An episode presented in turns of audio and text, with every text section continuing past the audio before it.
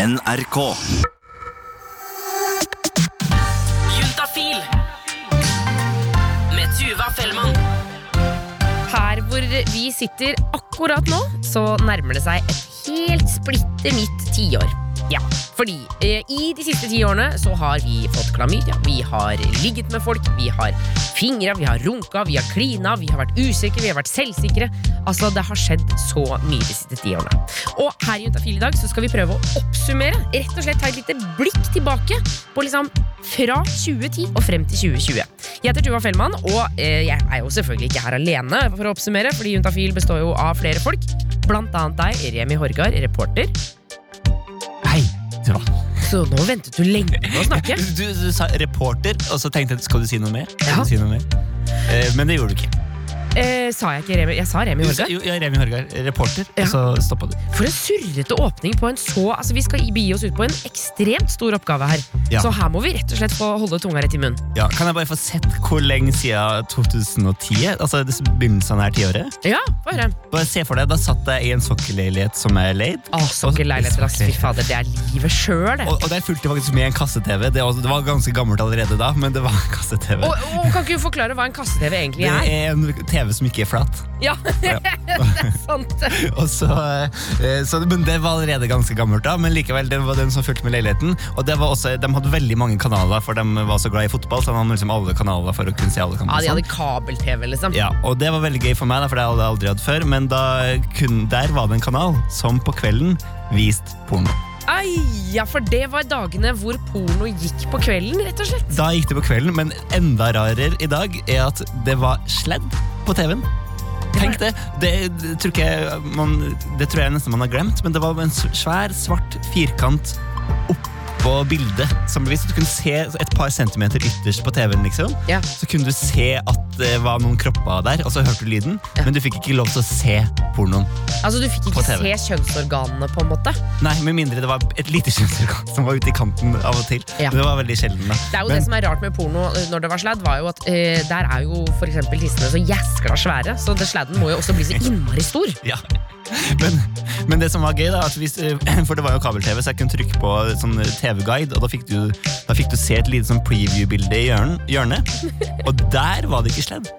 Å, nettopp! Så så liksom eh, introduksjonsbildet, det klarte du fortsatt å finne? Ja, så, så det var litt sånn triks i 2010, da. At man kunne se porno gjennom TV-guiden på Getboxen. Ikke sant. For i løpet av de siste ti årene så har vi blant annet fjerna sladden på pornoen. Jeg husker det, det var jo altså ramaskrik da det skjedde. Det var det, og så har man vel slutta å se det på TV-TV. Ja, det er vel ingen hoteller som har sånn pornokanaler lenger? De har slutta med det, fordi folk ser det heller på telefonen sin. Ja, selvfølgelig. Og nettbretten og tjo og hei. Så det, Eh, mye har skjedd i, på titallet. Ikke sant. Vi skal prøve å jobbe oss litt igjennom eh, både de store merkedagene, men også kanskje meget viktig hos oss, altså ting som har skjedd i Juntafil de siste ti årene. Ja. Eh, så her er det rett og slett bare å lene seg tilbake. Eh, vi er glad for at du har lasta oss ned, vi syns det er hyggelig at du hører på. Velkommen til Juntafil. Vi oppsummerer de ti siste åra i dag.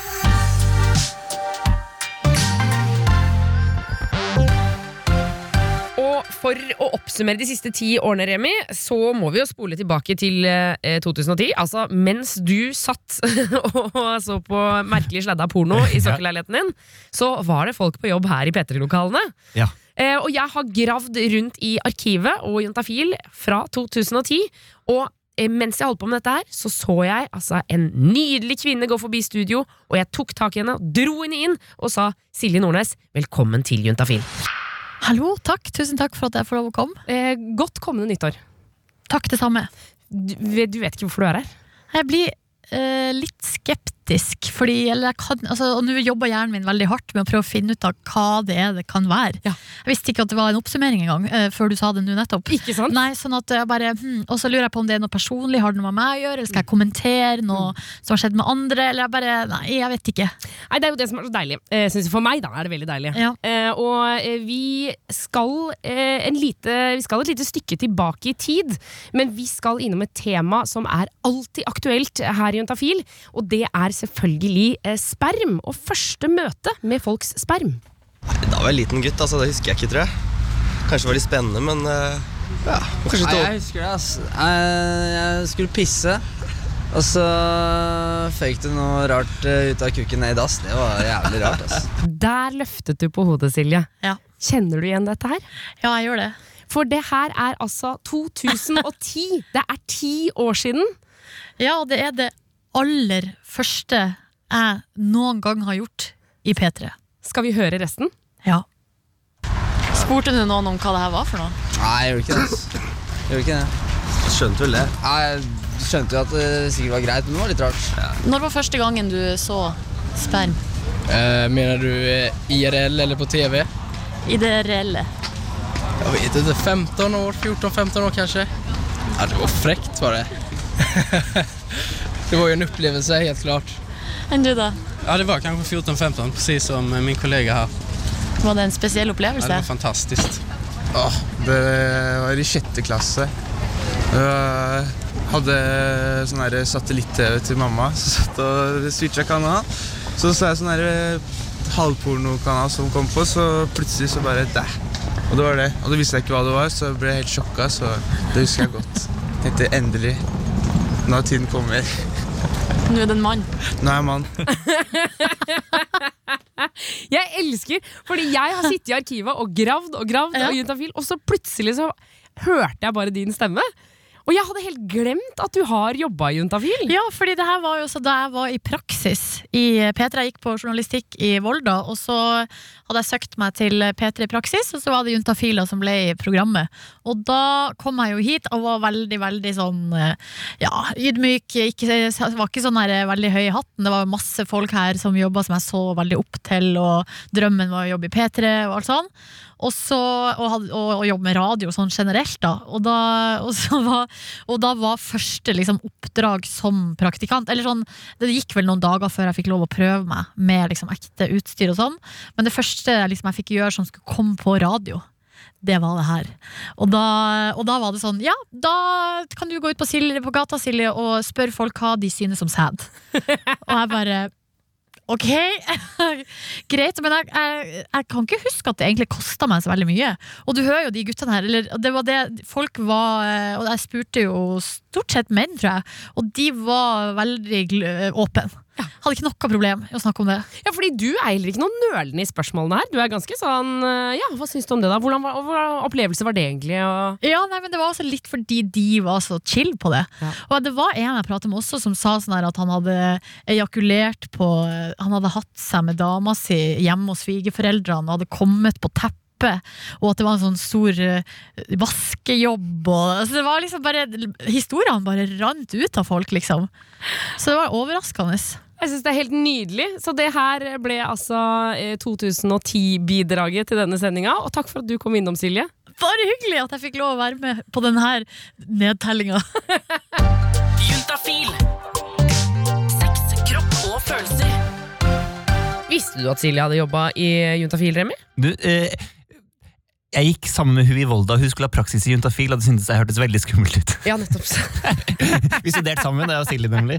Eh, så det torde jeg ikke jeg, da, men jeg kom jo hit etter hvert. Altså, eh, P3 er jo som en innavlfamilie, Ja, hvor alle har vært bortpå hverandre på en eller annen måte. På en eller annen måte. Eh, men for å på en måte Vi skal jo fortsette etterpå å oppsummere og, og trekke frem ting som har skjedd de siste ti årene på Juntafil, men vi lurer også litt på hva som har skjedd ute i det store samfunnet.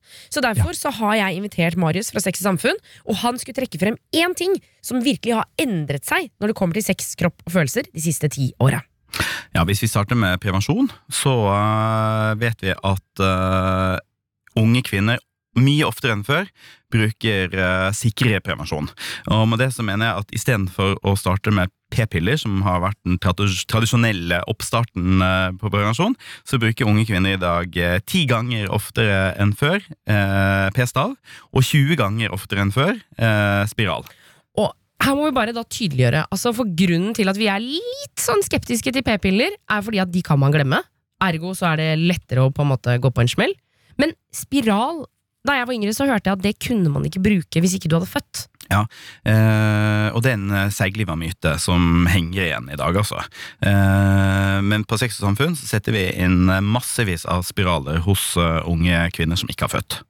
Så det det er ikke noe farlig, liksom? Det er ikke farlig. Eh, og fordelen med, med spiral, eh, det er at den sitter der. Den kan sitte der i opptil fem år. Eh, og hold deg fast, den er enda sikrere enn sterilisering. Hva betyr det? Det betyr at det er det aller sikreste p-stav og spiral Det er de aller sikreste prevensjonsmetodene som finnes. Du kan ikke glemme en pille, du kan ikke gjøre noe feil. Eh, Derfor funker det så bra. Men jeg trodde sterilisering gjorde at man var, det var liksom helt bankers. Ja, eh, ikke sant? Og det skulle man jo tro, men det viser seg at det er ikke en helt sånn bulletproof eh, metode, det heller. Men den er også veldig høyt der oppe. Altså, Remi, Er det ikke rart å tenke på at sterilisering ikke betyr 100 sikkert? Ja, det er veldig skummelt, for jeg har alltid tenkt at en vakker dag så skal jeg sterilisere meg, og da kan man liksom ikke Ja, da kan man føle seg trygg, da. Ja, tenkte jeg. det er feil. Det er feil. Det er feil. Men det som eh, har skjedd da, når vi har begynt å bruke disse meget gode prevensjonsmidlene som p-stav og spiral, Ja. så har altså statistikkmessig så har eh, vi i Norge ligget ganske høyt når det kommer til unge jenter og aborttall. Ja. Men nå har vi altså gått fra toppen og helt ned til bunn, og vet du hvem vi ligger i bunn sammen med? Eh, nei. Det er Finland. Finland, altså. De er få aborter. De, der, de er gode på dette her, altså.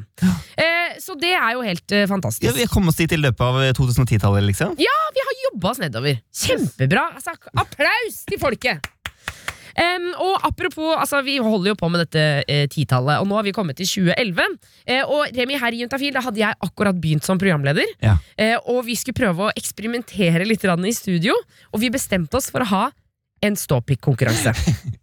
Hva, hva gjør man i en ståpikk-konkurranse? Ja, ikke sant? Det var flere, det var flere eh, etapper. Eh, det starta med altså, at vi hadde invitert to gutter i studio. Ja. Disney og Arnulf. Ja. De satt i studio sammen med meg og hadde klærne på. Altså, det må jeg bare understreke Ja. Og så jobbet vi oss gjennom eh, på en måte etapper hvor vi begynte med litt sånn høytlesning eh, av liksom noen erotiske dikt, og så var det liksom å se på noen pupper.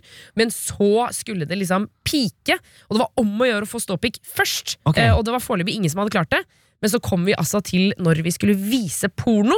At de skulle sitte og se på porno i studio. For å se hvem som Jeg skjønner ikke at vi gjorde denne ideen her, men vi gjorde nå det. Eh, og det, jeg spurte rett og slett om de hadde trua på at de kom til å klare å få ståpikk i studio. Ja, Kommer an på kvaliteten, det, vet du. Ja, ja, men det er greit. Da skal jeg bare lene meg over her sånn. Gjør det, Tyra. Og så skal vi se Da snurrer vi film. Arnulf har nå et utrolig merkelig uttrykk i ansiktet. Det er en blanding av latter og litt sånn rød i ansiktet. Den, Disney han ser mer sånn tankefull ut. Nå skal det sies at jeg ikke ser denne pornofilmen selv, men jeg vet at det er to jenter som er i denne pornofilmen. Unnskyld, dama ser den ut. Arnulf, han bare litt. Jeg vant! Mener du? Har du ståpikk? Semi, semi. Har du? Reis deg opp, så får vi se. Disney Semi. mener nå at han har fått uh, ståpikk. Litt, litt, litt. Ja, det er en liten lur der. Ja, det er topp med hvem som helst i rommet på nachspiel. Da sier vi altså Yeah! vinneren er Disney. Han har vunnet ståpikkonkurransen. Arnulf er bare rød i ansiktet og nesten tårer i øynene. Her fikk vi også en sniktitt på Juntafil sin lydpakke, som det så fint heter på fagspråket. litt- Fra 2011. Litt skarp i ørene, syns jeg. i Ja. 2011. Du likte ikke den, du? Nei, jeg liker den bedre i dag. Ok, men Vi holder oss i 2011, Remi. Ja, for i det her tiåret så har det skjedd veldig mye liksom, i kampen for transpersoner sine rettigheter. Ja! Ikke minst så har det liksom blitt en tydeligere stemme i samfunnsdebatten, synes jeg. Og i midten av det her tiåret så skulle det endelig bli mulig for alle som vil, å endre såkalt juridisk skjønn til det man vil. Mann eller kvinne. Ja, ikke sant? Altså, eh, så Rent liksom, praktisk så betyr det at du kan selv velge om det skal stå kvinne i passet ditt, f.eks. Ja. Um, og det er jo mange som har hatt problemer med å skjønne hvorfor det er viktig, men det er klart at eh, for eksempel hvis du skal i en passkontroll, og, eh, og Og så ser du ut som en mann. Ikke? Eh, og så er det sånn Hei, du er ikke en eh, kvinne. Og så sier jo, eh, eller nei, jeg er ikke det, fordi jeg var det før. Men eh, nå er jeg faktisk en transmann, derfor ser jeg ut som en mann. Så måtte man ha den hele den forklaringa, men nå kan man ha et pass som stemmer overens med hvordan man ser ut. Ikke? Eh, og det er jo veldig hyggelig. Um, og vi skal da til 2011, før det her var mulig å endre.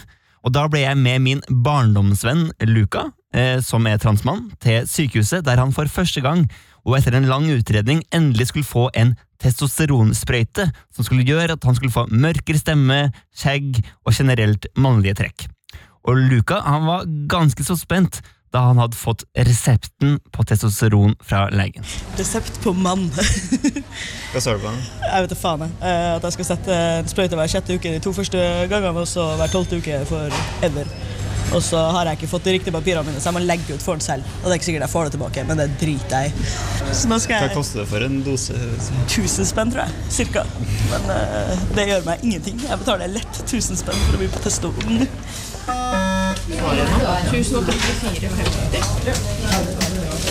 Ja, sånn ser det ut. da. Det veier ingenting. Og det er. Det er pakken Ja, med testosteron. det er pakken med testosteron. Inni der er manndommen min. Og nå skal du Skyte den inn i ræva. Eller få legen til å skyte intramuskulært i min rumpesetemuskel. heter det. Ja. Nei, det tror jeg bare forlater det. Fuck, ass. Hvordan føles det? Dritrart! Helt psyko. Jeg er sånn her For det første er jeg litt redd for at det bare liksom skal skje et eller annet sånn her. Og så tenker jeg ja, ok, faen, nå har jeg gjort det. Nå kan jeg ikke gå tilbake igjen på det. Nå er jeg, må jeg gå på testo resten av livet, liksom. Eh, det var vondt, det. Det var skitmye væske som skulle. Er helt nummen i ræva og nedover foten. Men det går bra. Det var fire ganger i året. Men Herregud, jeg er mann. Jeg er en mann. Ingen kan si at jeg ikke er en mann, fordi jeg har like høyt testosteronnivå som alle andre menn. Jeg har en ting til deg. Jeg sto og så på de sykehuskortene. du må få Så hadde veldig lyst til å kjøpe den der det sto 'Gratulerer, en liten gutt'. Men så fant jeg et som jeg syntes var litt bedre. Velkommen i gutteklubben Grei for voksne karer.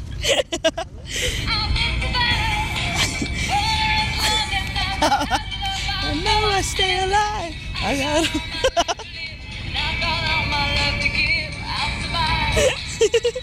Helt jævlig. Og dette er altså så fint og eh, ganske sånn spesielt å høre, Remi. For Luca er jo en person som har vært mye innom Juntafil opp Ja. gjennom åra. Har jo blitt en sånn eh, stemme man gjerne ser i debatten etter det her. Det er. Absolutt. Det var mitt første verk i Juntafil eh, for øvrig. Jeg elsker at du kaller reportasjen din for verk. Det synes jeg, er godt. Vi skal flytte oss fra ett verk til et annet, em, for vi har nå kommet til 2012. Ja. Uh, og da var det altså en redaksjon som var ganske spennende og deilig, og som var overraskende musikalske. Eh, for vi satt på et redaksjonsmøte, og så ble spørsmålet stilt hvordan hadde Juntafil hørtes ut hvis det var en musikal? Det var Marie Kinge og Christian Ingebretsen eh, som da tok på seg noen nye, deilige roller. De gikk inn i et ektepar som opplever at de kanskje mangler litt variasjon i sexlivet. Så nå, altså fra 2012, skal du få Juntafil som musikal. Åh, det går ikke. Eller prøv liksom stikk den inn opp, sånn, Sånn, sånn, ja. Sånn, sånn her. Ja, ja, nei, nei, å nei. Men jeg gjør jo så godt jeg kan. Nei, vet du hva, Frank? Vi er nødt til å prøve noe nytt. Ja vel. Og, og, og du mener uh... Mm, ja. Men jeg har ikke gjort det før. Liksom, bare leser det på internett og, og sette på film og sånn. Hvilken film da? Den som jeg leide, vet du. Som, som jeg trodde var Indiana Jones, men så viste det seg å være In Diana Jones. Men, men uansett, da kan vi prøve det, eller? Det, liksom. Ja. Ok. Greit, da, da går jeg og gjør meg klar, jeg. Nå skal jeg gjøre noe helt nytt. Eller Det er i hvert fall nytt for meg. For vi er lei av misjonær og doggy og nummer 69. Nå skal noe helt nytt skje, snart skal jeg si Jeg skal fiste deg. Stikke knoken opp i slufsa. Jeg skal fiste deg. Slå et slag for hver en mann. Knytte neven min og stikke den rett inn. Og få til det helt slik de gjør det på film. Han skal fiste meg. Fiste hun. Ikke knoken opp i høna. Han skal fiste meg. Det skal Slå jeg. et slag for alle menn. Knytte neven sin. Uh slår den hardt rett inn. Jeg håper det blir akkurat som påfyll.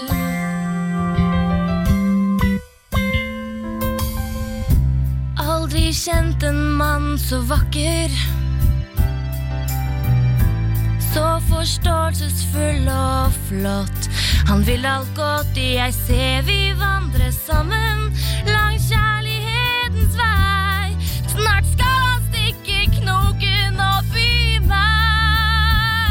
Nå skal jeg fiste hund. Putte hånda oppi krattet. Han skal fiste meg. Nå føler jeg meg klar. Nå skal det skje. Du slår et slag for alle menn. La oss aldri gjøre misjonæren igjen. Er du klar? Jeg tror det. Men, men vet du hvordan vi gjør det? Ja da. Jeg tar bare hånda sånn. Og så løfter du beina opp sånn. Ja. Og så En, to, tre. Jeg har fistet hund. Den knoken var oppi skreven. Nå har jeg fistet hund. La oss gjøre det igjen.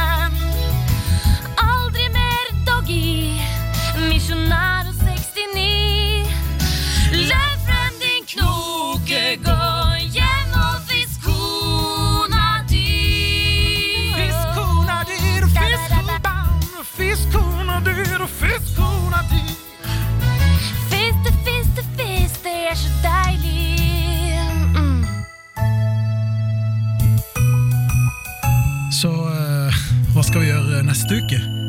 Um, jeg liker egentlig misjonæren best, jeg.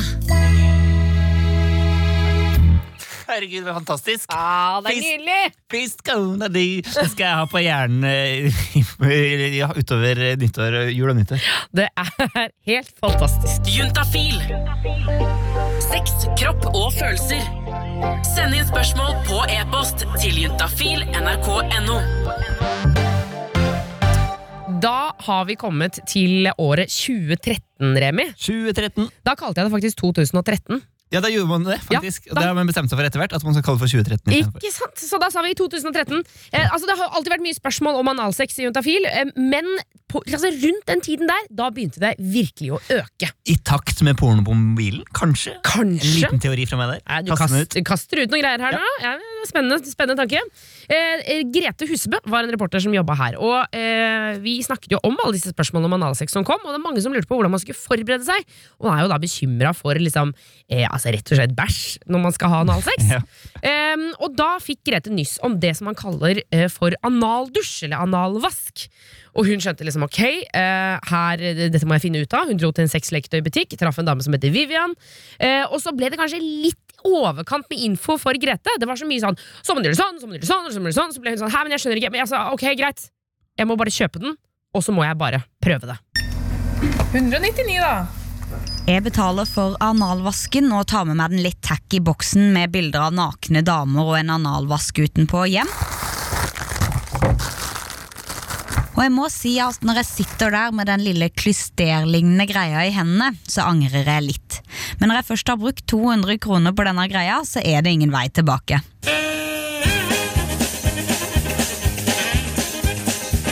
Jeg tar den med meg inn på doen, og det første jeg må gjøre er å fylle den opp med vann.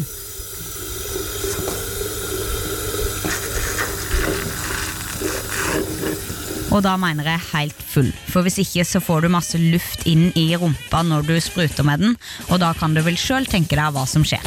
Så er det bare å putte den svarte tuten godt inn og spyle. Men før jeg gjør det, så tror jeg skrur av opptakeren.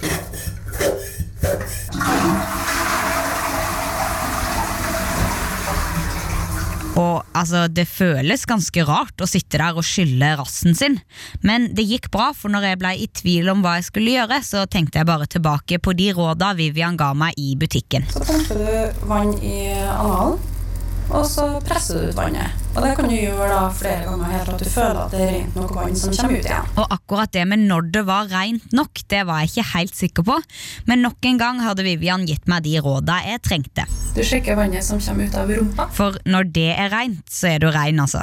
Jeg sier meg ferdig med denne lille renselsesprosessen, og hvis jeg skal levere en slags overall dom, så må det være at hvis du er bekymra for bæsj før du skal ha analsex, så kan det være lurt å ta seg en analdusj. Så er det jo bare å kose seg.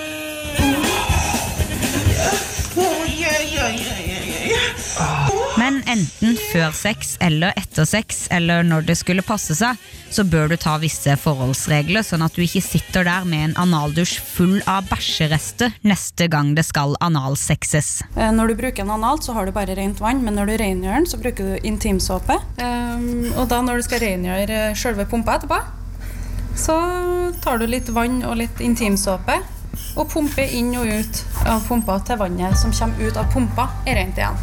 Ja. Og så tar du på vibratorrens til å ta bakterier etterpå. Før vi går inn i 2014, Remi, eh, så må vi ta en liten runde til med Marius fra Sex og Samfunn.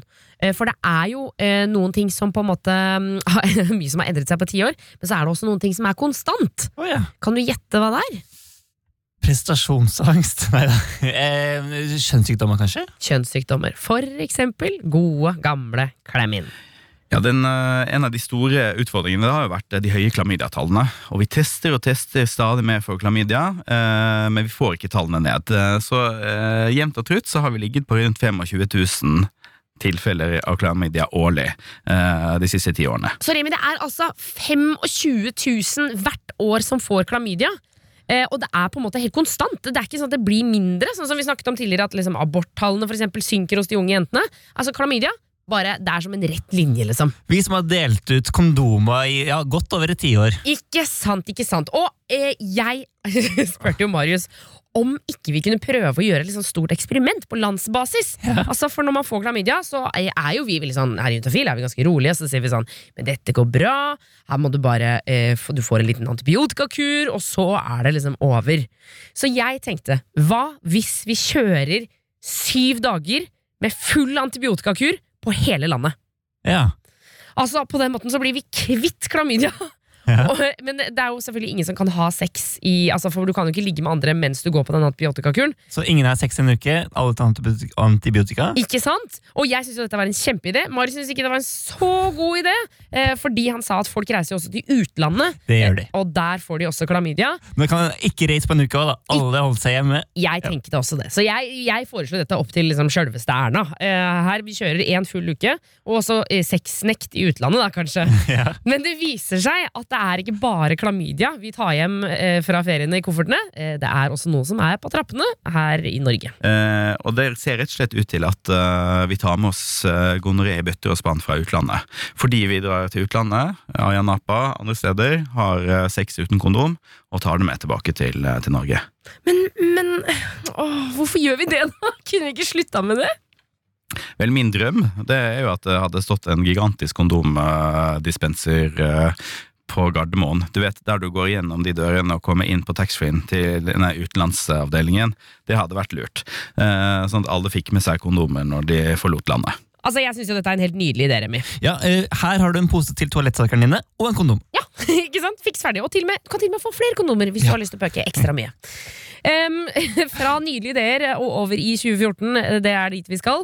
Da jobba Jonas Jeremiassen Tomter, også kjent som Dr. Jones. Dr. Jones. Yes, da. Han har både vært programleder og reporter og produsent her i Juntafil. Ja, han gjør litt av hvert. Han har gjort litt av hvert, eh, og både eh, faglig, men også fysisk eh, ute i den store verden. Blant annet så tok han med seg opptakeren og dro til en fyr som vi bare kaller for Naken-Thomas. Fordi Thomas, ja, han elsker å være naken.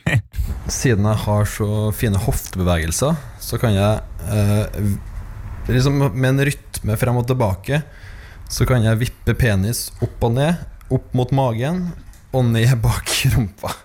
Så da blir det en sånn fin lyd.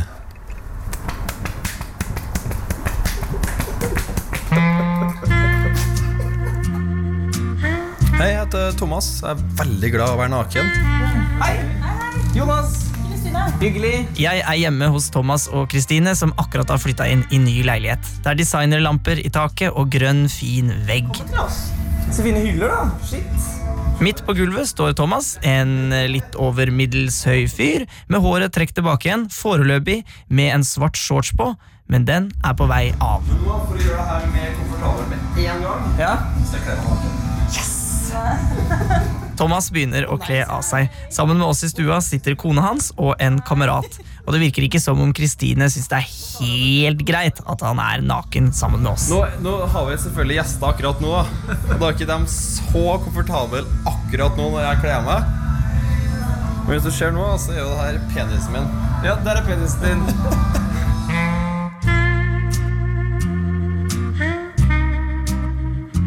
Skal jeg være naken, så skal det være greit for dem som er sammen med meg, at jeg er naken. Men det her er jo en kar som Ja, du har kamerat på besøk? Jeg har kamerat på besøk. Han har sett meg naken før. Jeg har min eh, kone sittende her. Og hun har sett deg naken før? Hun har sett meg naken før. Jeg har også vært naken sammen med henne. Da var det ikke andre til stede. Nei, for du kanskje er, er, det- er du også mye naken? Eh, ikke på samme måte som Thomas.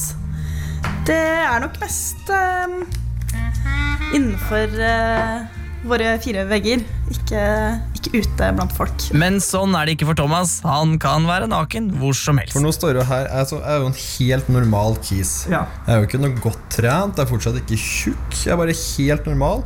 Har en helt normal pikk. Og Thomas ser virkelig avslappa ut der han står bredbeint midt i stua, splitter naken med en reporter på besøk. Men det eneste er liksom når noen er nakne, som, som føles liksom ut som man skal bade eller uh, legge seg eller Nei, for, for min del så gjør det ikke det. Nei. Jeg kan jo være naken hvor som helst, når som helst.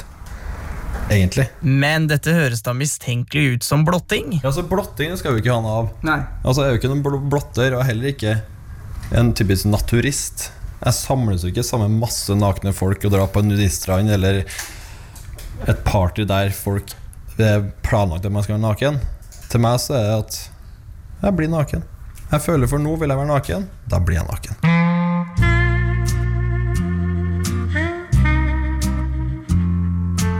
Det er jo kaldt, så er det jo godt å ha på seg klær. Men nå er det jo også behagelig temperatur. Og det er jo det som er det viktige ordet, det er jo behagelig.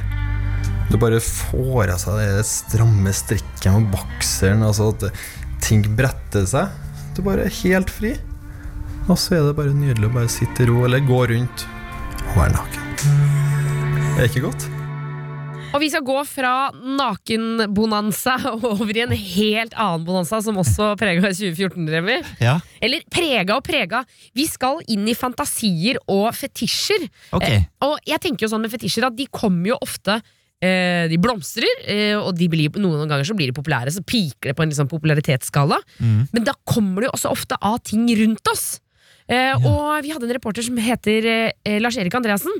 Og han eh, ble rett og slett med en fyr som heter Vegard, inn i studentboligen hans, hvor de skulle se på My Little Pony. Husker du My- My Little Pony? Er det de bitte små enhjørningene? Ja, ja, ja, ja, ja Med rosa farge og Ja, ja, ja. magi og Og det var TV-serier, og du kunne kjøpe de i dukker og sånne ting. Og eh, ja, her er det egentlig bare å lene seg tilbake. Vi skal jo da knytte fantasier og eh, My Little Ponies sammen. Hvem med hun? Trixie. Jeg og Vegard sitter i sofaen på hybelen hans og ser på My Little Pony. Er hun ond, eller hva er greia? Eh, hun skal hevne seg på Twilight fordi eh, hun eh, fikk henne til å se ut som hun har dårlig magi. Alle enhjørninger kan gjøre magi.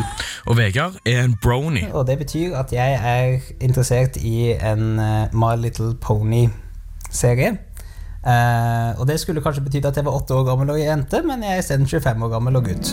My little pony, my little pony. Hvor mange timer er satt av til My Little Pony i gjennomsnittlig uke? Ja, Det blir jo når den nye episoden kommer ut, og det er jo da først å sitte og snakke om det som skal skje et par timer på Skype, og så kommer episoden som tar 20 minutter, og så sitter vi og snakker om den i en times tid eller noe sånt. Og så må jeg jo selvfølgelig skrive om hvem som eh, var fokusert i den episoden, så da går jeg inn på Excel-dokumentet jeg har satt opp til det. As you do. Ok, jeg vet at det er litt spesielt. Eh, du kan holde på hele tiden, men det blir stort sett av den lørdagskvelden, da. Eh, man har da et liv Ordet brony er en sammensetning av bro og pony. Vegard er ikke tiltrukket seksuelt av My Little Pony, men han har brony-venner som er det. De ser på brony-porno og leser erotiske noveller basert på barne-TV-serien. Jeg tror for mange så handler det om en sånn eh, eh, veldig sterk innlevelse. Da. For noen av dem så innebærer den innlevelsen å bli seksuelt tent i prosessen. Da. Jeg skjønner ikke helt hvordan det skjer i et menneske, men jeg aksepterer de som, eh, som har det sånn, og jeg kjenner noen personlig som har det sånn. Kan du vise meg noen av de sidene på internett som folk kan gå på? Eh, en som En uh, god venn av meg som uh, liker den slags pleier å snakke om, er denne her. Vegard googler litt rundt og finner til slutt fram ei nettside med over 60 000 bilder av pastellfarga ponnier. Noen av de har strap-on, noen av de er tegna som damer med hestehode, noen av de har penis, noen av de er dekka av lakk, lær og diverse kroppsvæsker. Vegard ser litt pinlig berørt ut. Ja, altså Når du ser disse bildene, her, sant, så er det jo mange av oss da som ikke er tiltrukket av sånne ting, som tenker liksom Oi, dette her er jo veldig merkelig. Og selv blant de som tenner på tegneserie ponyporno, er det en stor debatt om hva som er greit. Noen syns det er ok at hestene har penis og ligner på damer, mens noen vil ha tegneserieponniene sine så naturlig som mulig. Det at uh, folk tegner uh, kvinnelige karakterer med penis, det kalles futa. Og dette her med at man tegner stort sett nøyaktig det som man ville tegnet på et menneske, bortsett fra fargen og ansiktet, det blir da forskjellige grader av antromorfisering. Og det hører jeg igjen, da, at det er masse sånn motstand mot. Det er liksom ikke dyr nok, da. eh, Når de får eh, menneskelige føtter, menneskelige armer, eh, eller mister pelsen og sånn. Og at det må også være en viss grad av dyr da før det er seksuelt tennende. Vegard ser ikke ned på de som blir seksuelt tent av My Little Pony, men påpeker at det bare er én av fem bronier som blir det. Resten digger bare serien. Jeg skjønner at det er viktig for mange folk, men uh, for min del så er det ikke noe her som jeg syns er uh, tiltrekkende. Another town, another party. Det blir for merkelig. I never did get that pony's name. Cheese sandwich! yeah. Ja, Man begynner jo fort å se på tegneserier på en litt annen måte etter å ha hørt dette her. Få litt andre bilder i hodet, kan du si. Og Jeg synes det er helt nydelig. Ja. Helt nydelig. apropos andre bilder. eh, Snapchat kom inn i livene våre på denne tida. Ja, det gjorde det! Ja, så eh, det forandra litt måten vi kommuniserer eh, rundt sex også. Absolutt. Du får en annen type bilder i telefonen din via Snapchat enn Facebook, for eksempel. Ofte. Helt klart. Synes jeg. Og der så dukka det opp eh, i 2014, så var det en fyr som begynte å ta bilder og videoer av eh, kvinner han hadde sex med, og la det på Snapchat-kontoen sin, og han fikk 10 000 følgere eh, på ganske kort tid. Ja. Og han inviterte du, det husker jeg veldig godt, til et eh, intervju der du også stilte den litt til veggs. Ja, For det her var virkelig sånn Dette var helt nytt for oss. Ja, ja, det var drøyt. Og det å sende nakenbilder av seg selv på Snapchat, det har vi alle hørt om. Men så er det jo sånn med alle ting i livet at det er noen som drar det litt lenger, og noen som drar det veldig mye lenger. Vi har fått besøk av Lasse. Med over 10 000 følgere på Snapchat så legger han rett og slett ut videoer av jenter som han har sex med. Velkommen til Juntafil, Lasse. Jo, tusen takk. Du, jeg må bare starte med å si, jeg må være helt ærlig her. Ehm, jeg var egentlig ganske usikker på det å invitere deg hit, eh, fordi det du driver med, vet jeg ikke helt om jeg liker, men det er nå én sak. Jeg blir nå i hvert fall utrolig interessert, og får en drøss med spørsmål inn i hodet. Eh, for du er altså 25 år, fra Trondheim, og ser ut som en helt vanlig kjekk fyr, men legger ut ganske sånn røffe og detaljerte sexvideoer på Snap. Hvorfor gjør du dette her? Nei, si det. Ehm, hvorfor jeg gjør det, det er egentlig noen ting jeg tror alle mannfolk gjør. Um, men jeg lager underholdning, da. Det kan vel være det. Eh, Men vent, alle mannfolk gjør, hva mener du med det? alle mannfolk tror jeg sender eh, bilder av jenter de har sex med så lenge de er med, men de sender gjerne til enkeltpersoner. ikke sant? Jeg drar den litt lenger og legger det ut på My Story, men eh, ja, hvorfor jeg gjør det, er vel litt sånn ja, Jeg er så dritlei av å få matsnaps. Folk som sykler til jobben sin, ser ut ruta si, er med ungene sine i parken. Jeg er drittlei av sånne snaps. Jeg bestemmer meg bare, vet du hva. Eh, nå vil jeg lage eh, underholdning på mine premisser, min TV. Jeg bestemmer reglene. Det er egentlig sånn eh, eskalerte seg. da. Og du har jo eh, holdt på så smått siden sommeren, men det er liksom siste måned det virkelig har eskalert med, med følgere og sånne ting. Men disse, vi må snakke litt om disse jentene. Fordi eh, Jeg spurte deg om du kunne ta med en av de i Mm. dag, men det ville de ikke. Hvem er disse jentene? For det er ikke samme jenta. Nei. Um, det er helt vanlige, vanlige mennesker. Eh, det, det er ikke noe sånn hokus pokus, eh, det her kommende pornostjernen er absolutt ikke. Det syns jeg blir feil å, å sette min bås på det, men um, vanlige studenter. Ordinary. Og de vet at du filmer, liksom. Eh, det vil jeg påstå, ja.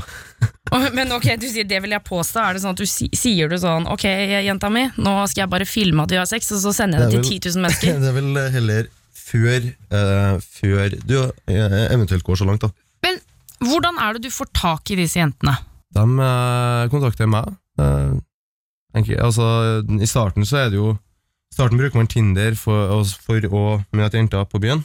Det er normalt, det husker jeg har begynt med, og det tror jeg mange ennå gjør.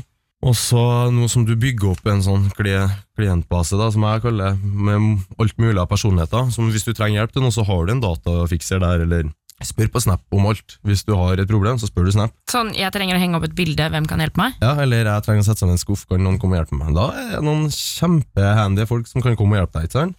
Og samme er det på, på Snapchat. Du får veldig mye eh, snap av eh, jenter som har lyst til å være med på det her. Eh, du må jo selvfølgelig takke nei til samtlige, for at du ja, altså Det er noen, noen du tar imot, og noen du ikke tar imot. Det er mye, det er mye PR-kåte folk der. Det tror jeg. Hva- Og du er ikke på haircut? Nei, jeg, jeg prøver helst å holde meg ut, utafor det som heter for eh, andre sine mediekilder, for å si det sånn. Prøver helst å gå under radaren. Men eh, liksom, ja, et eksempel på en video er jo at uh, du liksom filmer ansiktet ditt hvor du tydelig sitter og kjeder deg, og så tar du liksom kameraet ned, og så er det en jente som sitter og suger deg. Ja. Eller du tar en jente bakfra og sier at hun er skitten og kaster et glass vann på henne.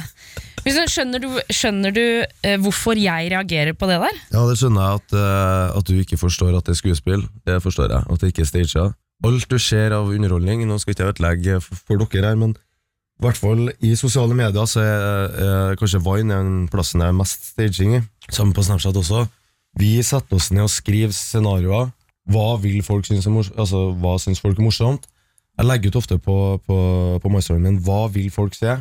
Altså, har dere Ja, du legger ut en svart snap og sier 'hva vil du se'? ja, liksom altså, jeg, jeg skriver, jeg trenger forslag til nye snaps, for eksempel. Da får jeg en 400-500 forslag av de mest groteske tingene, så får jeg kanskje ti normale ting. Så må vi prøve liksom å filtrere, da. Hva er det hva er publikum vil se, altså, bortsett fra de 400-500 ikke-normale. Eh, så å, vi, kan ta, vi kan ta eksempler på vannet. Da. Det, det var jo eh, Det var fullt klar over. Hvis det er en grunn til at det vannglasset sto akkurat der det sto, for når du filmer, så har du akkurat perfekt lengde. ikke sant? Så, så hvis du tenker over litt eh, Oi, her lå ting veldig perfekt til, og at eh, det, det er ikke tilfeldigheter alltid, nei. Så du, mener du liksom at du er i underholdningsbransjen, på en måte? Nei, underholdningsbransjen er vel eh, sterke ord, men eh, ja, du, du, du får til å lage bra impulsive snaps, det gjør du, men da, det er én av ti, da. Hvis du skal levere hele tida underholdende snaps som konstant uh, folk uh, syns er artig, eh, spesielt gutta, det kan vel si den store eh, followers-gjengen er vel gutta, så må du uh, lage kvalitetssnapper. Det må være, det kan ikke bare være at du kaster en pingpongball på et menneske, liksom. Du, må gjøre noe mer. Men øh, er det liksom Tenker du at du kommer til å fortsette med dette? Ja, om jeg kommer til å fortsette eller ikke, det Så lenge jeg har det altså finner, Så lenge jeg i hvert fall finner det underholdende å lage film, øh, så ser ikke jeg noen grunn til å ikke gjøre det. Det har jo eh, plusser og minuser, det har jo alt. Uh, men hvis det skal Altså Så lenge det ikke går utover noen andre, så, så tror jeg nok at en liten stund til, men begynner det å merke at det her går over alle Stokk og stein. Stokk og stein, ja. så, så må jeg bare slutte med. Ja, ja, ja. Sånn har det gått og blitt med internett, Remi. Sånn har det blitt med internett. Tenk at dette er seks år siden. Ja, eh, det føles som eh, nettopp at jeg fikk Snapchat, egentlig. Ja, jeg er enig, enig. Vi skal flytte oss videre til 2015, altså bare fem år siden. Og da er det en reportasje du har lagd, Remi. Ja, Om eh, forskning, for du kan si at eh, det her er tiåret for litt spesiell sexforskning også, kanskje? Ja, absolutt. Eh, så for eksempel, hvor mange grunner finnes det egentlig til å ha sex? Ikke sant? Og der fantes det altså ikke 1000 grunner, og ikke så lite som 10 grunner. Men eh, 237 grunner finnes det til å ha sex, har Ikke- forskere funnet ut. Det er veldig spesifikt tall. Veldig spesifikt. Og det er jo ikke bare ø, positive grunner, det er faktisk overraskende mange negative grunner til å ha sex. Det var slutt med kjæreste som jeg bodde sammen med. Og tre uker etter så bodde jeg fortsatt på sofaen. Da sov jeg sent i kveld, men hun kom hjem fra byen med en kar. Og da var det høylytt. Aldri hørt henne så høylytt. Kan jo være at han var flink, men det kan også være at det var litt sånn for å være slem mot meg, da. Hvor lenge bodde du der etter det? da? Jeg var ute i løpet av uka, ja. Det, det var ikke lenge. Hevnsex. Ser kompisen gå rett mot dit, liksom være veldig bevisst på at eh, deg vil jeg, skal jeg gjøre alt for å forføre i natt. Fordi jeg vil at du skal fortelle det videre til han, og at det skal gi et stikk til han. da. Da amerikanske forskere gikk gjennom grunner til hvorfor folk har sex, var det nemlig mange av de grunnene som ikke kom under de tradisjonelle kategoriene som det å prøve å få barn, som det å prøve å styrke forholdet, og heller ikke som bare var det å være kåt. Det de gjorde med de grunnene, var at man prøvde å finne mønster dem. Så en av gruppene var hevn. Så det kan, trenger ikke nødvendigvis bare å være de gode tingene. Trond-Viggo Grøntvedt har spurt norske studenter om hvorfor de har sex. Det har han gjort etter en amerikansk undersøkelse som fant 237 grunner til å ha sex. Men sjøl om det finnes så mange forskjellige grunner, så finnes det fellestrekk. Noen av dem havner under kategorien hevnsex. Når det var så mye forskjellig, og jeg ble kanskje litt mer sånn for egen personlig mening, så syns jeg det er veldig rart å lese at du har sex med noen for at du vil gi dem en kjønnssykdom. Noe, det er en veldig uvanlig grunn. Er det noen som vil det? Er det en grunn til å ha sex? For meg virker det litt rart at det er motivasjonen din, men det var det for noen. Og det var det Det ser også ut som den studien vi hjelper med, at det er noen som mener det at eh, ja, jeg har hatt sex med noen for å hevne meg på kjæresten min. Jeg, jeg, jeg hadde sex med eksen til venninna mi sånn mange, mange år etter at de hadde slått opp. Liksom. De hadde vært sammen sånn i ungdomstiden. Og grunnen til at jeg gjorde det da, var bare at jeg, jeg selv om jeg ikke hadde kontakt med henne eh, lenger, så følte jeg det var liksom et sånn skjult lite stikk til hun. For hun hadde, da vi var ungdommer, ligget med eksen min. Og det var kjempebarnslig, egentlig, for da denne impulsen liksom slo inn hos meg eh, sånn fire år senere, da. Men da var det bare sånn derre Jo, jeg skulle, jeg, nå skal jeg ta igjen, liksom. Selv, om det var en så gammel greie, så bare føltes det ut som det var mest der, derfor jeg gjorde det. da. Det er ganske lett å få gutter i sex hvis man først har lyst til det. liksom. så, hvis man først har det som mål, så er det liksom ikke så veldig vanskelig å gå frem. Og i tillegg til hevnsex så var en kategori det å prøve å oppnå noe gjennom å ha sex med noen. En gang da jeg var ganske mye yngre, eh, så hadde jeg et veldig, da hadde vi et sånt stamsted, utested, som vi hang på ganske mye med en ganske stor vennegjeng. Og da var jo eh, Jeg hadde vært sammen med ganske kort en av de i den gjengen. Eh, det jeg gjorde etterpå, var at jeg lå med en av bartenderne som jobbet på dette stedet. Og det var litt fordi jeg bare liksom ville demonstrere veldig tydelig at jeg ikke ville at han skulle drive og komme bort til meg og legge an på meg hele tiden, han eksen.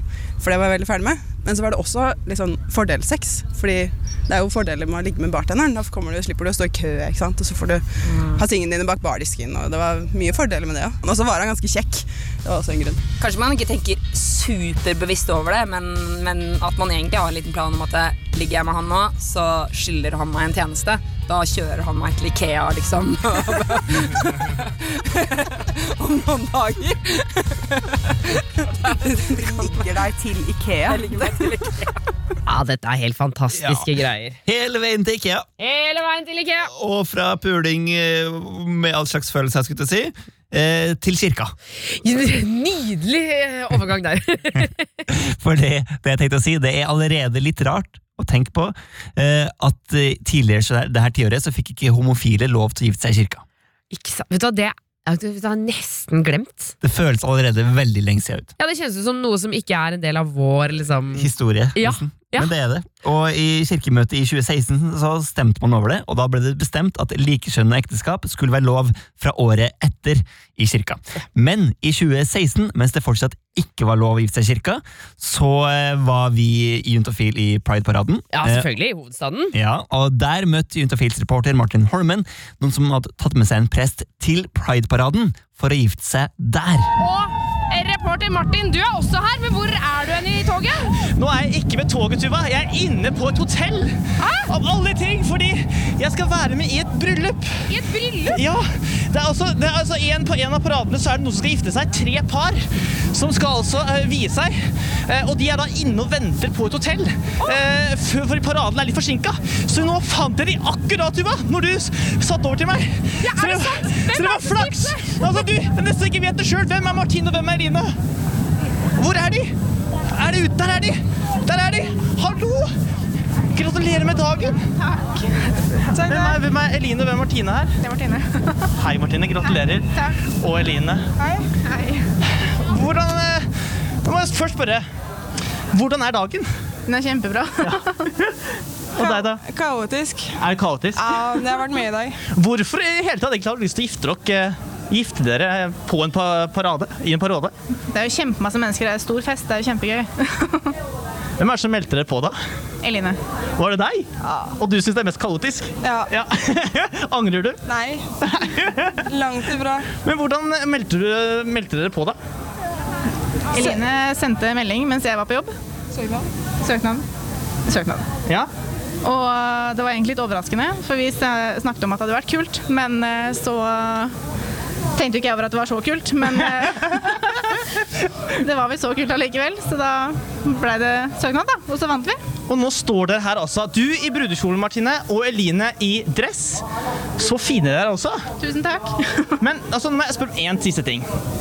At eh, Når dere gifter dere her nå, så gifter dere to ganger, stemmer det? Det stemmer. Ja. Hva er det som skjedde her på hotellet nå, da? Vi ble via en humanist på hotellrommet. Og så skal du på Flåten, og da ha en annen seremoni, da? En prest. En prest på Flåten. Og hvem er det som skal komme på Flåten, da? Det er familie og venner. Forlovere.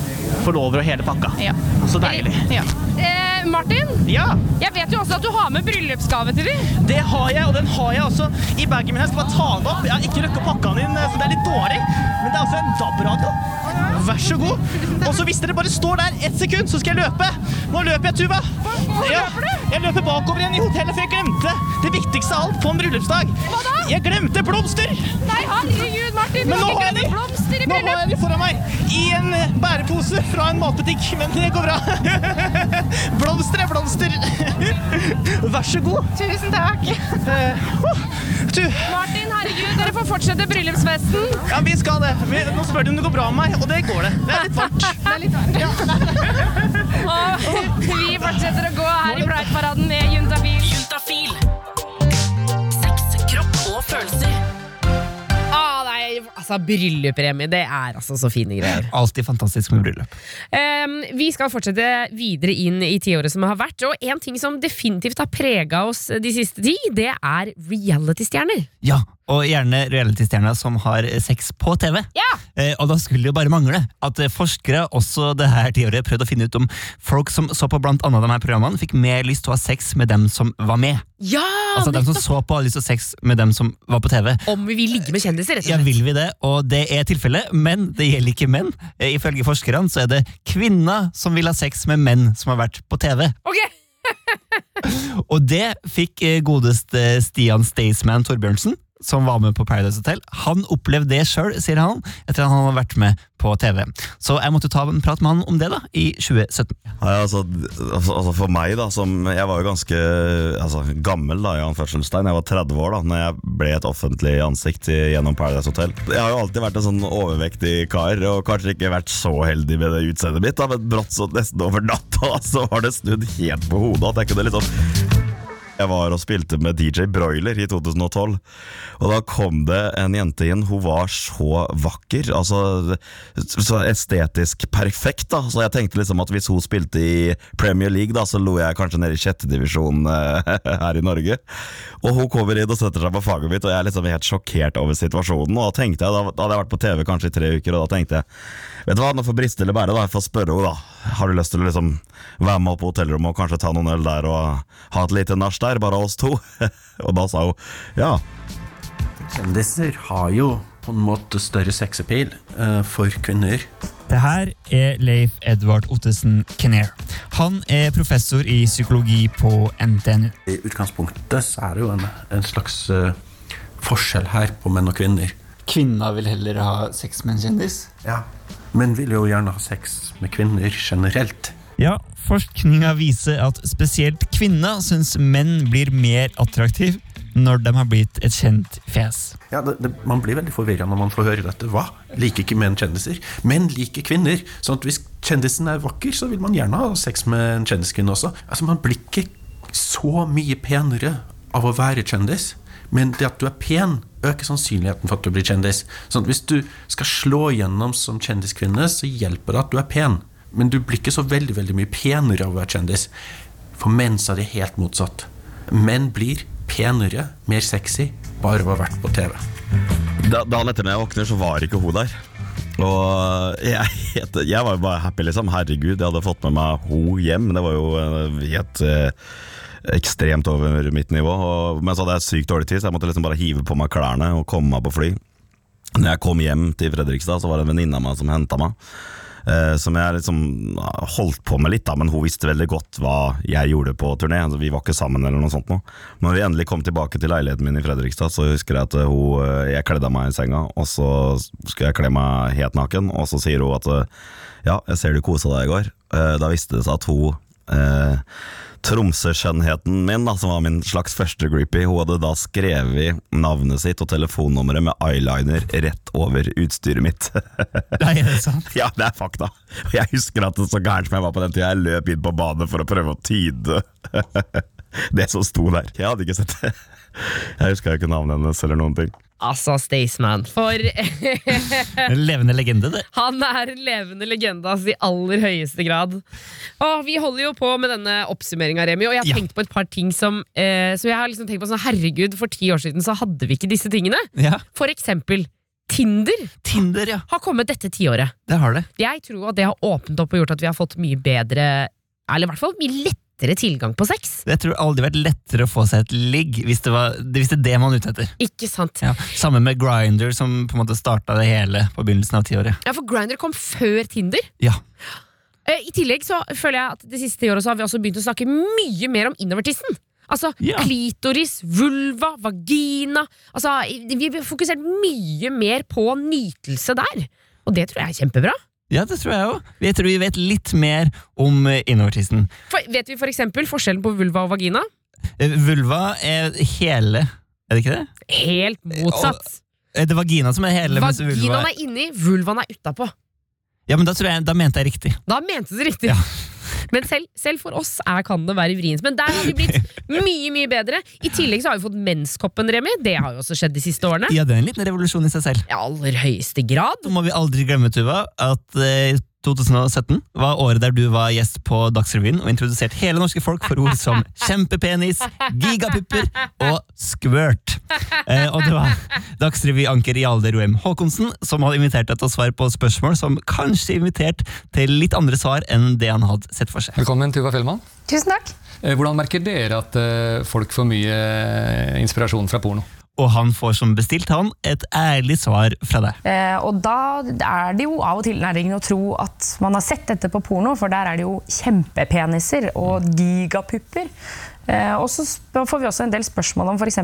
ting som eh, squirting. Jeg er ikke sikker på om det er et godt norsk ord på det. Jentesprut, kanskje. Eh, hvor vi får SMS fra mange jenter som sier 'jeg får ikke det til', er det noe som er gærent med meg? Og det er klart at det vi pleier å si på Juntafil, er at nei, alle får ikke til det. Eh, men på porno der ser det ut som at det kommer et dusjhode ut av vagina, liksom. Så da ser vi jo at eh, ja, det, det kan hende at det er noe med porno som ligger der, ja. Det er kanskje godt at det er radio av og til, når det Ja. kommer så detaljerte ting. Kjente jeg for meg selv nå, men dere altså har Det er veldig gøy å høre at han kommenterer litt sånn smått underveis. Mm, ja, mm, ja, sånn. Eh, og til slutt så må jo du bare understreke et poeng. For det må jo understrekes, mener jeg, at eh, veldig mange av de som sitter og ser på porno, de onanerer også. Og det syns vi i Dafil er veldig bra. Ja, fordi at eh, Takk for den. Juntafil. Sex, kropp og følelser. Send inn spørsmål på e-post til juntafil.nrk.no. 2018 har vi kommet til. Eh, det året så tok Juntafil seg en liten pause. Et pust i bakken. Et friår. Ja. Og jeg og du jobba med andre ting. Vi måtte men... reise og pule i Thailand. Ja. Men eh, apropos noen som Apropos noen som skulle reise på bryllupsreise til Thailand, jeg si, så får du, får du høre om veldig straks. Eh, fordi eh, selv om du forlater Juntafil, så forlater aldri Juntafil deg. Og jeg skulle lage dokumentar for Petro Dokumentar, og da handla jo det om sex. Og da møtte jeg et eh, kristent par. Eh, som var, han var 26, hun var 29. Snorre og Kristine. De hadde aldri hatt sex. De hadde venta til de skulle gifte seg. Så jeg fulgte dem før og etter bryllupet for å høre hvordan det var deres første gang. De dro riktignok på bryllupsreise til Thailand, det er ikke det vi skal høre om nå. Vi skal høre om sjølve bryllupsnatta og hvordan det foregikk. Etter hvert i bilen når vi kjørte til hotellet at ja, åssen skal det her bli nå?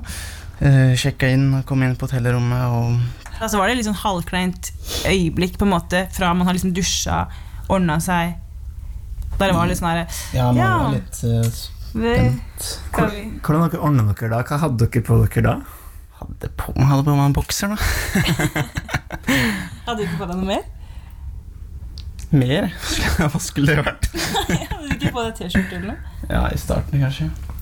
Jeg hadde på meg undertøy og en sånn silkeslåbrok som jeg hadde kjøpt for anledningen. For å være litt fin, da, siden det var bryllup. Vi hadde jo snakka om at nei, vi, jeg har ikke så mange forventninger, og det er jo eh, At vi kan bare legge oss og se litt, og hva som skjer. At ikke det er noe sånn 'nå må vi', sånn og sånn, da. Ja, og det jeg føler det ble litt sånn Ja. som vi hadde planlagt. De Sånn- bare la oss og Ja, for vi bare Nei, vi kan legge oss. Og så, når man begynner liksom Når man ligger tett inntil hverandre, man elsker hverandre, man har gifta seg Så da begynner man å ta på hverandre litt og kysse litt, og da er det jo bare Jeg hadde jo aldri sett Snorre naken før, da. Du sa det ble litt kleint i stad, altså før og sånt, Ja, men ikke i der liksom- situasjonen. Var det ikke kleint? Fra når du liksom sitter der og snakker sammen, og så vet du at nå skal vi på et eller annet tidspunkt bevege oss bort under senga. Akkurat da var det litt sånn herre Ja, kanskje vi bare skal legge oss? litt sånn, da, men det var det eneste. Jo, men det var skikkelig bra. Altså. Det var liksom så, Det handler ikke si til noen, da, men to ganger. Det ble vel det. Jeg tror begge to ble overraska over at det gikk så fint. Det var null prestasjonsangst og Det handla mye om at ikke vi var nervøse, da. Selvfølgelig litt nervøs og spent, det, det var vi jo, men vi hadde snakka så mye om det, og vi lo av det underveis, og snakka om det underveis. Ja, og når du først liksom har eh, ferdig med den derre Nå er vi på hotellrommet, og vi skal dit, men vet ikke ja, Når man først var ferdig med det, så var det bare helt supert. Og da, kjære Remi, Ja, Tuva. Kjære Tuva. da har vi kommet til 2019. Ja, dagens dato. Dagens dato. Altså, det er jo mye som har skjedd i år. Um, hva vil du trekke frem? Eh, Det som satt mest støkk i meg, var at vi laga en eh, episode om de kompliserte sexleketøyene. Der vi hadde med en fyr som het Alex, som hadde kjøpt et eh, sexleketøy han kunne dele med kjæresten. Som de, de var i et avstandsforhold, da, så var det veldig fint å ha et sexleketøy som man kunne koble opp på nett og styre av en app. Og Der kunne man snakke med hverandre mens man styrte vibratoren, hvor kraftig den skulle gå og alt mulig sånne ting. Og så um, sier jeg til Alex under intervjuet at har du lest om den, det her sexleketøyet på nett? Og så sa han nei, det har han egentlig ikke. Jo, for de ble dømt i fjor for å ha delt, eller samla informasjon fra kundene sine uten samtykke. Eh, og der var det ganske masse brukerdata liksom, om eh, hvor, når man bruker denne her sexleketøyet, hvor lang tid man bruker på å komme omtrent, og alt mulig sånne ting. Og så fikk de også ganske sånn eh, krass kritikk for å være enkel å hacke. Eh, Så da eh, ble han litt overraska. så det var en ting man plutselig må passe på i 2019, da, når man kjøper seg sexleketøy. Det er hva er liksom Hvilke brukerdata blir samla inn av meg? Ja. Det, jeg liker at det er en ting som vi nå må begynne å forholde oss til. Ja. Eh, jeg har lyst til å trekke frem eh, når eh, vi lagde episode om det å putte en finger i rumpa, eh, som vi fikk mye respons på. Ja, veldig koselig og fin episode, syns jeg. Ja, enig. Men så er det vel også ett øyeblikk som vi ikke kommer til å glemme med det første. Mhm. Vi skal til kvelden hvor det var nasjonal runkekveld på P3. Hele Norge samla seg. Hele Norge samla seg, hele Norge runka. Og vi hadde også Skal vi bare rett og slett bare spole tilbake til den dagen? Vi gjør det. Det er altså en tre timer lang sending viet til onani. Og nå må jeg bare si det, jeg har høy puls, for dette er øyeblikket. Del har gleda seg til. Du skal nå få lyden av runking direkte på radio. Jeg står nemlig i studio. I rommet ved siden av så står Tarjei. Jeg aner ikke hvordan dette kommer til å høres ut. Jeg har bare en spak jeg skal dra opp. Vi skal nå slå et, slå et slag for naturlighet og nysgjerrighet. Kjære deg som hører på. Det her er ekte og direkte runking.